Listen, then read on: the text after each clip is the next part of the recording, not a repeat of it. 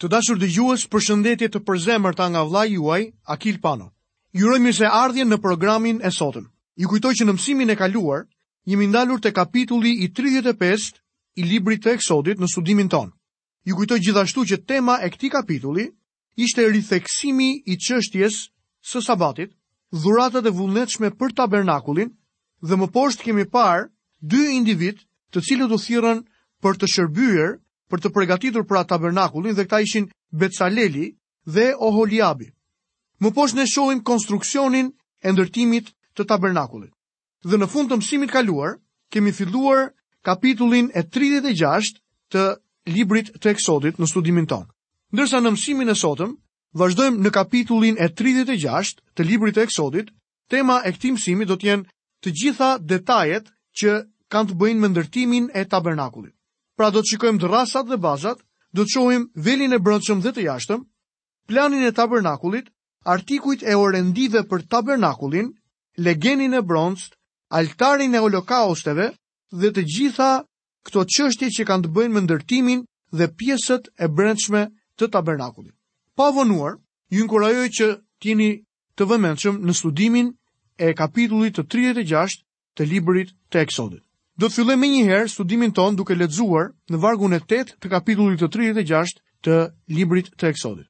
Tërë njerëzit e aftë, midis atyre që punonin për ndërtimin e tabernakullit, bënë 10 pëlhura prej liri të hollë, të përdredhur dhe me fill ngjyrë vjollce të purpurt dhe flakë të kuqe. Ai i bëri me kerubinë të punuar artistikisht. Kjo ishte edhe mbulesa për të gjithë tabernakullin.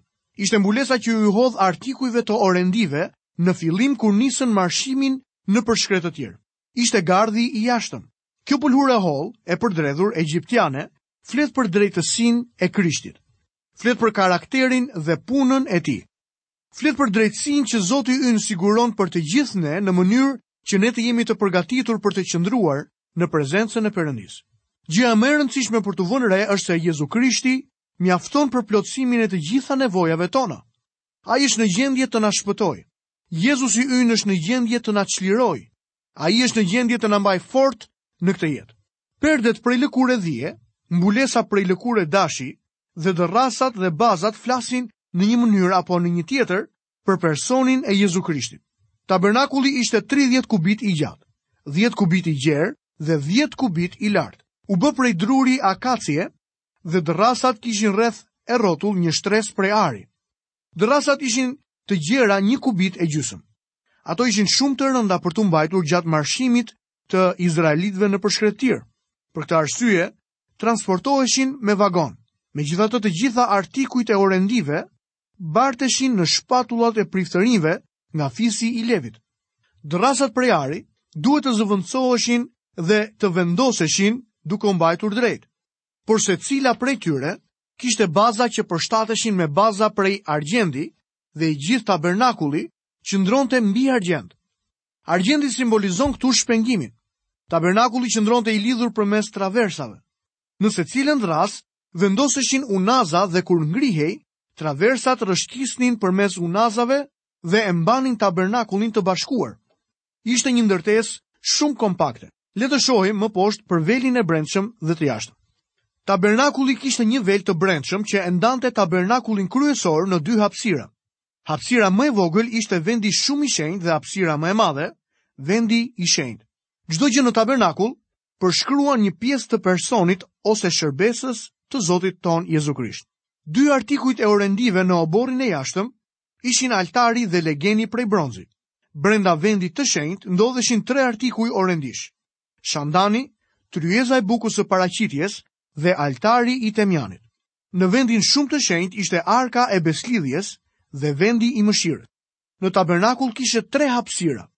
Kishte tre hyrje për në tabernakull. E para hyrje ishte një portë përmes gardhit të pëlhurtë që rrethonte tabernakullin. E dyta ishte një portë që të çonte në vendin e shenjtë dhe hyrja e tretë të çonte në vendin shumë të shenjtë ku hynte vetëm kryeprifti një herë në vit në ditën e madhe të shlyerjes së mëkateve, siç do ta shohim tek libri i Levitikut më poshtë. Dhe kryeprifti spërkaste vendin e mëshirës me gjak, gjë që e bënte atë vend vend mëshire. Kishte 7 artikuj orendish që ishin të sistemuara në mënyrë të tillë sa na japin një tablo të mrekullueshme. Altari prej bronzi flet për kryqin e Krishtit, ku marrim faljen nga mëkati. Legeni flet për faktin se Zoti Jezu Krisht lan ose pastron ata që i përkasin atij. Legeni është vendi ku rrëfejmë mëkatet tona dhe marrim faljen dhe pastrimin prej tyre. Vendi i shenjtë është vendi i adhurimit. Aty ndodhet dhe shandani i artë që simbolizon Krishtin, dritën e botës. Tryeza e bukës së paraqitjes na e përshkruan Krishtin si bukën e jetës me të cilën ne ushqehemi. Ndërsa altari i temjanit është vendi i lutjes. Altari i temjanit flet për faktin se Krishti është ndërmjetësi ynë. Në letrën drejtuar hebrenjve, altari i temjanit vendoset në vendin shumë të shenjtë dhe jo në vendin e shenjtë, sepse ndërmjetësi ynë tani është në qiell. por altari i temjanit është jashtë në vendin e shenjtë, aty ku unë dhe ti mund të vijmë sot. Kur besimtarët dëshirojnë të adhurojnë Perëndinë, ata vijnë në vendin e shenjtë. Rrëfimi, lavdërimi, falënderimi, ndërmjetësimi, parashtrimi i kërkesave, të gjitha këto janë gjëra që kanë të bëjnë me adhurimin. Dhe gjithë kjo ndodh në vendin e shenjtë. Nëse ti dëshiron dritën që jep bota, dil jashtë. Por nëse dëshiron dritën prej shandanit, duhet të hysh brenda. Që t'i shërbesh Jezu Krishtit, nuk mund të ecësh me anë të urtësisë së botës, por me anë të dritës së fjalës së Perëndisë. Vendi shumë i shenjtë përshkruan Jezu Krishtin në praninë e Perëndisë. Tek letra drejtuar hebrenjve na thuhet të vijmë në fronin e hirit. Vendi i mëshirës e përshkruan këtë dhe këtu ne gjejmë hir për të ndihmuar dhe mëshirë në kohë nevoje. Ka një vend mëshire për besimtarët në qiell. Kur Jezu Krishti erdhi në tokë, ai jo vetëm që përmbushi tablonë e tabernakullit, por bëri diçka mjaft të pazakontë. Tabernakulli në shkretëtirë qëndronte gjithmonë horizontalisht me tokën. Ai ngrihej në sipërfaqen e sheshtë të saj me shtyllat dhe dërrasat e përputhura në baza që i ulnin. Por kur erdhi Krishti për të paguar çmimin për mëkatet tona, ai e bëri atë vertikal. Kryqi ishte altari i bronztë ku qengji i Perëndisë u ofrua për mëkatet tona. Ai vdiq këtu për të na shpëtuar, por ai u kthye në qiell ku jeton sot për të na ndihmuar ta ruajmë besimin tonë. Vendi shumë i shenjtë sot është në qiell.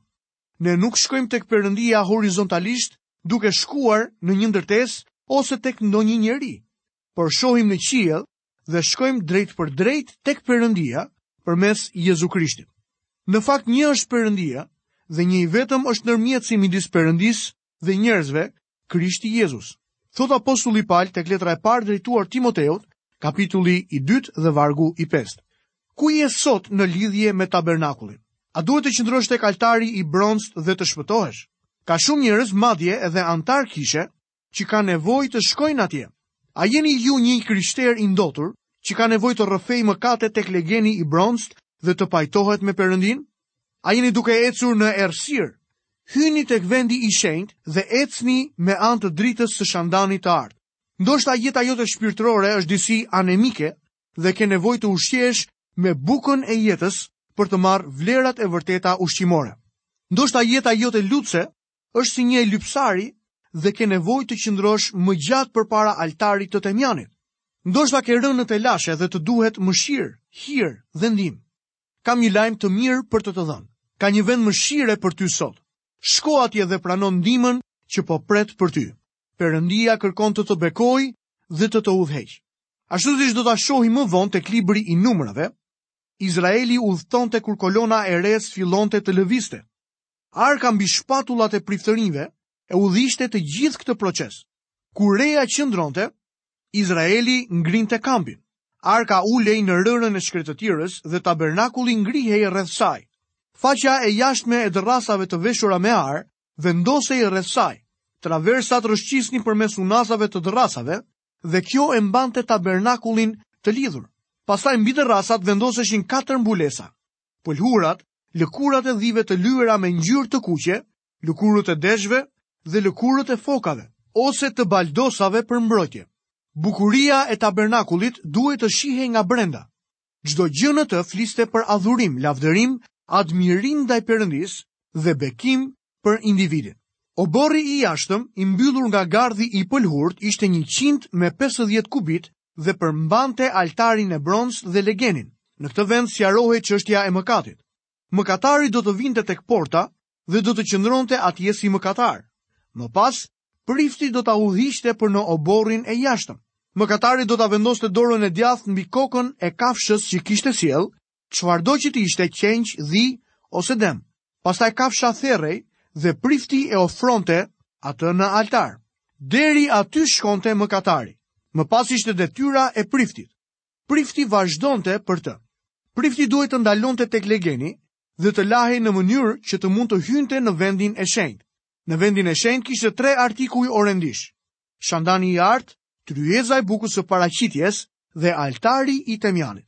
Që të gjitha këto flasin për adhurimin. Më pas vinte veli që ndante vendin e shenjtë nga vendi shumë i shenjtë dhe prifti nuk guxonte të shkonte përtej tij.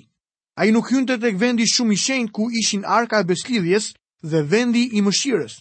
sepse vetëm kryeprifti hynte në këtë dhomë dhe vetëm një herë në vit për të gjithë popullin. Të dashur dëgjues, tani do të ndalemi te kapitulli 38 i librit të Eksodit dhe do të lexojmë në vargun e parë. Pastaj bëri altarin e olokausteve prej druri të akacies i gjatë 5 kubit dhe i gjerë po 5 kubit. Ishte katror dhe i lartë 3 kubit. Tek altari i bronztë ofrohej viktima dhe gjykohej mëkati. Në këtë vend vinin individi ose kombi për t'u kujdesur për problemin e mëkatit. Kur u ndërtua ky altar, nuk mund të bëhej ndonjë altar tjetër.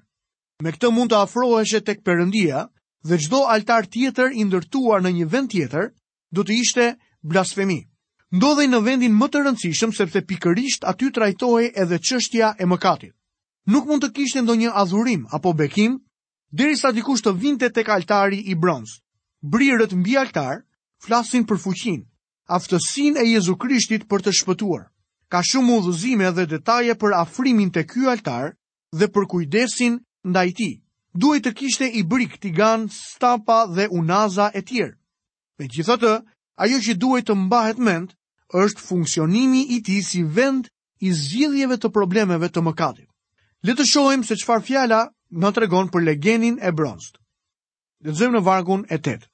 Pastaj bëri legenin prej bronzi dhe bazën e tij prej bronzi, duke përdorur pasqyrat e grave që vinin për të bërë shërbime në hyrje të çadrës së mbledhjes. Pasqyrat për të cilat flitet këtu janë prej bronzi të lustruara mirë. Gratë nuk kanë ndryshuar. Janë edhe sot ashtu siç kanë qenë atëherë. Edhe në atë kohë, ato mbanin pasqyra. Legeni u bë pikërisht me to. Pasqyra përfaqëson fjalën e Perëndisë. Bibla është ajo që i tregon besimtarit nevojën e tij për t'u pastruar. Legeni ishte atje për pastrim. Edhe në banjët tona sot kemi të njëjtën gjë. Kemi një pasqyrë dhe poshtë saj lavamanin.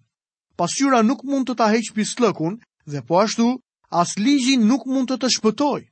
Mund ta fshish sa të duash, por pisllëku sërish mbetet. Por ka një burim të mbushur me gjak, që rrjedh nga venat e Emanuelit dhe mëkatarët të zhytur në atë gjak humbasin të gjitha njollat e fajësisë së tyre. Lexojmë më poshtë se çfarë fjala e Perëndisë flet për oborrin.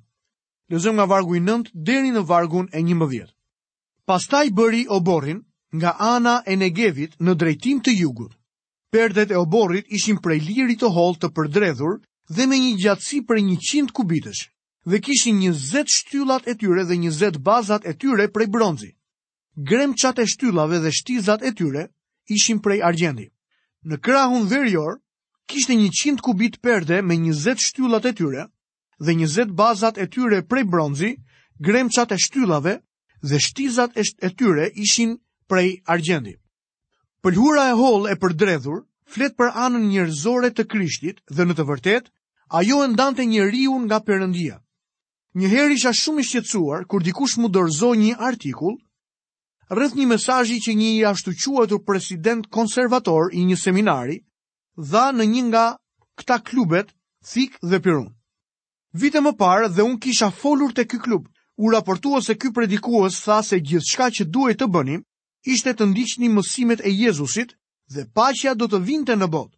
Edhe nëse e mohonit anën hyjnore të Krishtit, jua them me gojën plot se kjo nuk është aspak e vërtetë. Nuk mund të ketë paqe për njeriun përveçse nga gjaku i derdhur i Krishtit.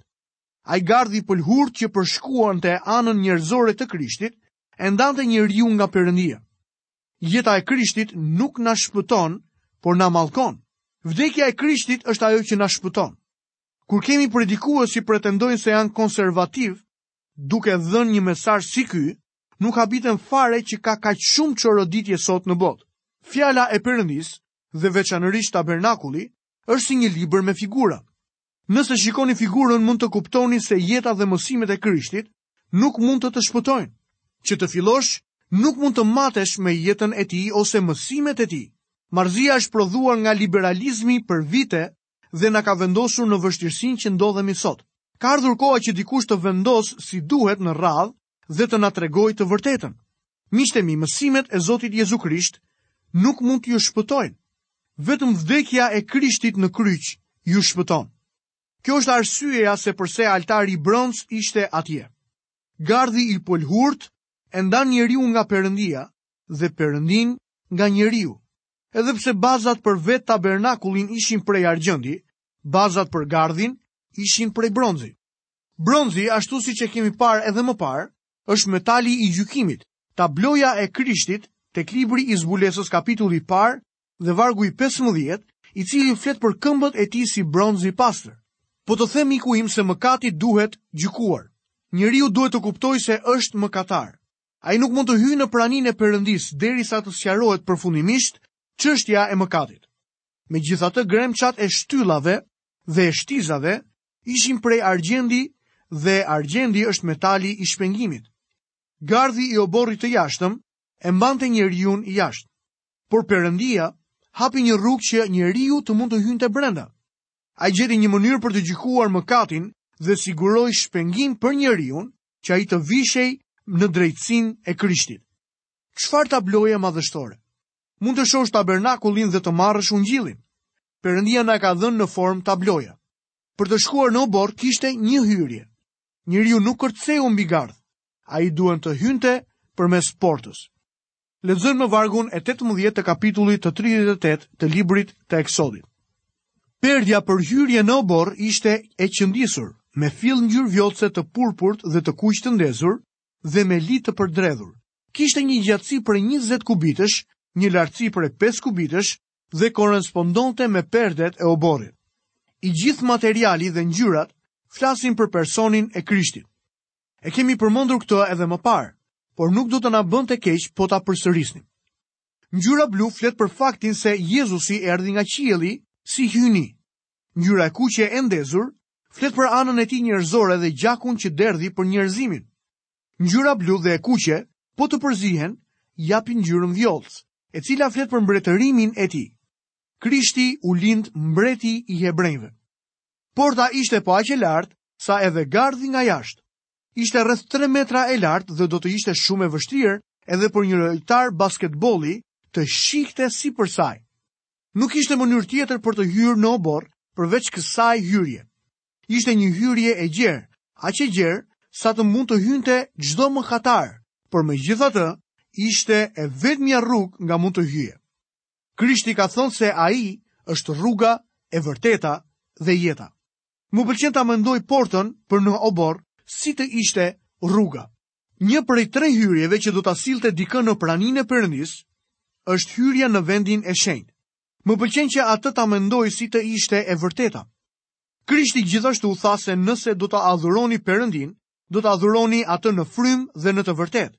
Nuk duhet të jem i ashpër, por adhurimi i një kishe që mohon se kush është Krishti dhe çfarë ka bërë, nuk është adhurim i vërtetë. Duhet ta adhurosh Krishtin në të vërtetë. Nuk mund të mohosh hyjninë e Krishtit dhe faktin që ai vdiq për ty dhe përsëri ta adhurosh atë. Do të ishte më mirë për shumë njerëz po të mos shkonin fare në kishë, domethënë në disa prej kishave. Gjendja e tyre nuk është e mirë dhe kisha në të cilën shkojnë po ofendon Zotin Jezu Krisht duke mohuar hyjninë e tij. Pastaj hyrja e fundit e cila e sillte dikë në vendin shumë të shenjtë, Ishte hyrja përmes velit që flet për jetën që Krishti dha në kryq. Kur Jezusi vdiq, veli u nda më dysh nga fillimi në fund, duke nënkuptuar se rruga për tek Perëndia tani ishte e hapur. Kjo është jeta. Krishti është rruga e vërteta dhe jeta. Askush nuk mund të vijë në praninë e Atit përveçse nëpërmjet tij. Dëshiroj t'ju tërheq vëmendjen ndaj çështjes së individit izraelit.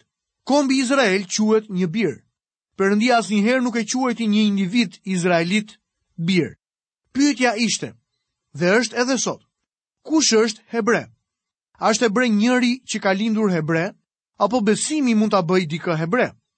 Në dhjatën e vjetër duhej të lindje hebre në mënyrë që të ishe i tillë.